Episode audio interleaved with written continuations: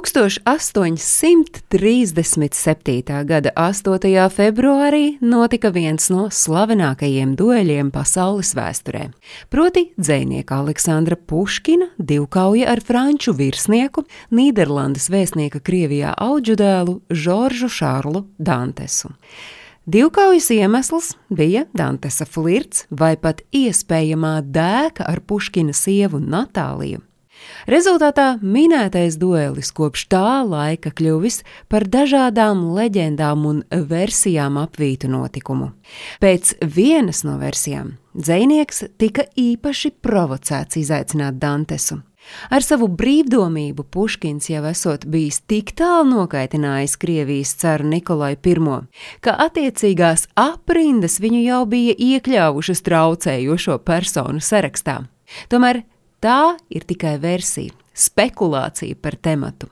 Faktiski Puškins kā liels sieviešu cienītājs, bet tajā pašā laikā arī pats ļoti greizsirdīgs cilvēks būdams, nemaz nebija īpaši jāprovocē un viņam duelēšanās ar Dantesu bija vismaz 20. duelis mūžā. Zināms, ka dzinieks pats bijis ap 15 dueļu ierosinātājs, no kuriem notikuši gan tikai 4. Visus pārējos draugi paguva nogludināt līdz dueļa sākšanās brīdim.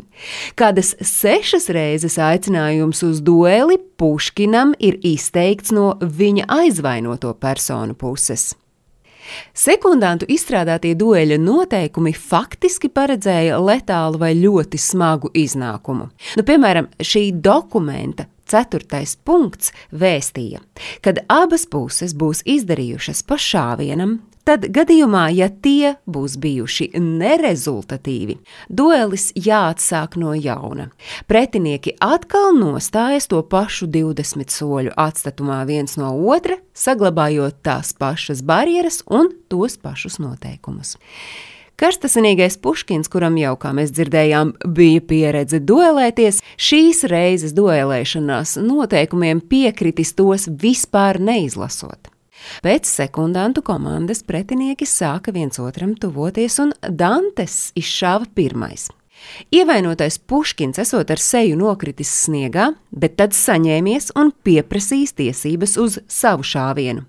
Nospiedis gaili, ieraudzījis krītošo Dantesu, viņš esot iesaucies bravo, un tad zaudējis samaņu. Dantes gan rezultātā bija ievainots tikai rokā.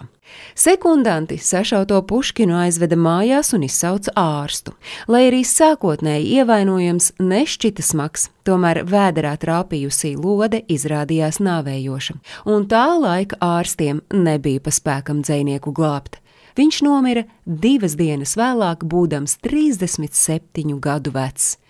Gulēdams uz nāves gultas, Puškins vēl esot paguvis aizsūtīt Dantesam zīmīti ar atvainošanos, kurš to saņēmis savukārt esot sacījis šādus vārdus: Pasakiet, ka es viņam arī piedodu. Tā kā Krievijā tolaik dueļi bija aizliegti pēc Puškina nāves, Dantesu ieslodzīja Petropavlovskas cietoksnī, un vadoties pēc tā laika Krievijas likumiem par duelēšanos, viņam pienācās nāves sots pakarot. Tomēr Imperators Nikolais I viņu esot apžēlojis un izraidījis no Krievijas. Dantes nodzīvoja vēl 58 gadus Francijā, un tur viņš ir kļuvis arī par parlamenta deputātu. Stāstīja Agnese Drunka.